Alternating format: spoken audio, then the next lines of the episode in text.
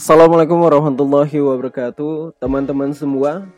Balik lagi bersama saya dalam podcast Siarin episode keempat. Teman-teman semua di sini Saya akan membahas tentang Makna dari sebuah amanah. Teman-teman semua kita mengingat Quran Surat An-Anfal ayat 27 di mana Quran Surat An-Anfal ayat 27 berbunyi Hai orang-orang yang beriman Janganlah kamu mengkhianati Allah dan Rasulnya Muhammad dan janganlah kamu mengkhianati amanat-amanat yang dipercayakan kepada kamu sedangkan kamu mengetahuinya. Nah, jika kita melihat dari ayat yang tadi saya sebutkan, ayat ini mengaitkan tentang orang orang-orang beriman dengan amanah dan juga larangan untuk berkhianat bahwasanya di dalam indikator keimanan seseorang adalah sejauh mana dia mampu melaksanakan amanahnya.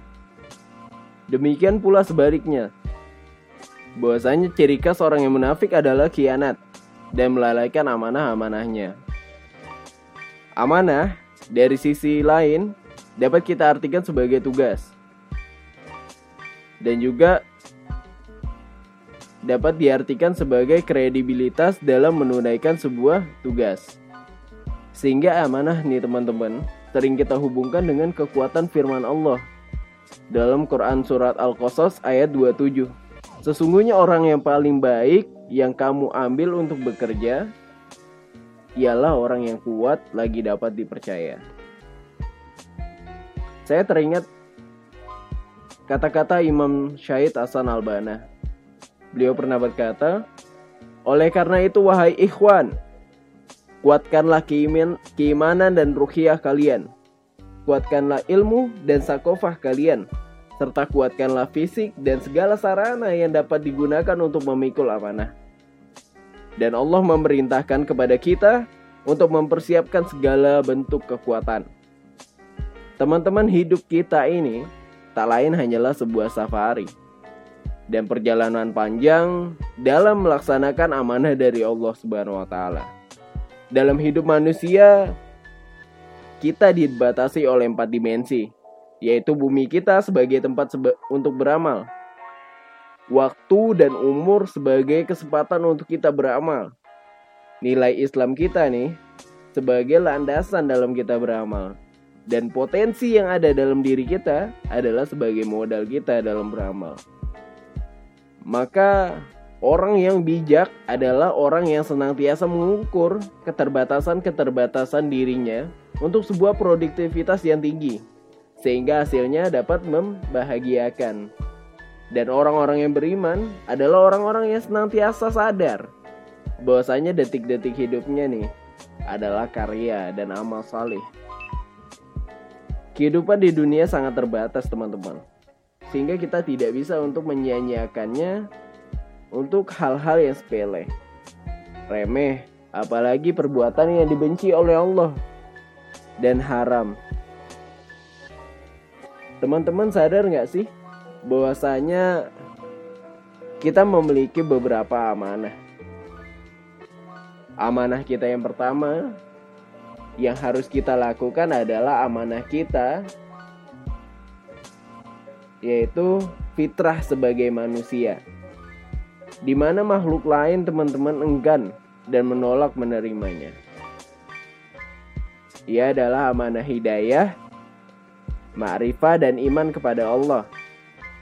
Dan memiliki dasar niat, kemauan kita, usaha kita, dan orientasi kita ke depannya. Amanah berikutnya adalah amanah syahadah atau amanah kesaksian amanah kesehatan ini dibagi tiga. Yang pertama yaitu berupa kesaksian diri agar menjadi cermin bagi agama kita. Yang kedua adalah berupa kesaksian dakwah agar menyampaikan agama kepada manusia. Ketiga berupa kesaksian agar menerapkan manhaj dan syariat Islam di bumi Allah Subhanahu wa taala. Dan amanah itu akan dipertanggungjawabkan teman-teman yang pastinya akan dipertanggungjawabkan di hadapan Allah Subhanahu wa taala. Pertanyaan yang akan ditujukan atas amanah yang dibebankan kepada kita, barang siapa yang menunaikan amanah sekecil apa pun, niscaya akan dilihat oleh Allah Subhanahu wa taala. Barang siapa yang melalaikan amanah sekecil apa pun, niscaya akan dilihat juga oleh Allah Subhanahu wa taala. Kita sebagai manusia tidak akan dapat lari dari tanggung jawab. Karena tempat yang kita tinggal adalah bumi Allah. Umur yang kita miliki adalah ketentuan dari Allah. Potensi yang ada adalah anugerah dari Allah. Nilai Islam sebagai tolak ukur kita dalam melaksanakan amanah. Kemudian kita akan datang dan menghadap Allah. Jadi kita tidak bisa lari dari amanah. Oleh karena itu, sekecil apa pun amanah kita nantinya yang kita laksanakan, maka memiliki dampak positif berupa kebaikan. Dan sekecil apa pun amanah yang kita sia-siakan, niscaya memiliki dampak negatif berupa keburukan. Dampak itu bukan mengenai diri kita pribadi, tetapi juga mengenai umat manusia secara umum. Contohnya sekarang nih teman-teman. Sekarang ini bumi Allah sedang dilanda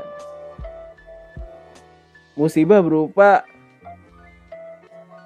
virus COVID-19 atau kita lebih kenal dengan coronavirus di mana coronavirus ini sedang mengguncangkan dunia. Dari muasalnya Cina, kemudian menyebar sampai sekarang di Indonesia. Dan kita yang ada di Pekanbaru khususnya. Teman-teman semua, kita mempunyai amanah. Kita mempunyai amanah dari tenaga-tenaga medis kita, dari ulama-ulama kita, MUI sudah mengeluarkan fatwa. Teman-teman semua, amanah kita sekarang ini adalah kita untuk tetap stay di rumah. Kita untuk tetap tinggal di rumah. Karena apa? Kalau kita tetap stay di rumah, kita tetap tinggal di rumah selama 14 hari, kita bisa mengurangi dampak dari coronavirus itu sendiri. Kita dapat membantu tenaga-tenaga medis kita untuk melakukan pekerjaannya dengan baik. Kita dapat mengurangi pembludakan yang terjadi akibat coronavirus. Karena kita tahu apabila coronavirus membludak, maka tenaga medis kita yang berada di Indonesia mungkin tidak siap dalam kondisi tersebut. Sehingga kita sebagai rakyat Indonesia harus mengurangi dampaknya dan harus membantu tenaga-tenaga medis kita yang berada di Indonesia.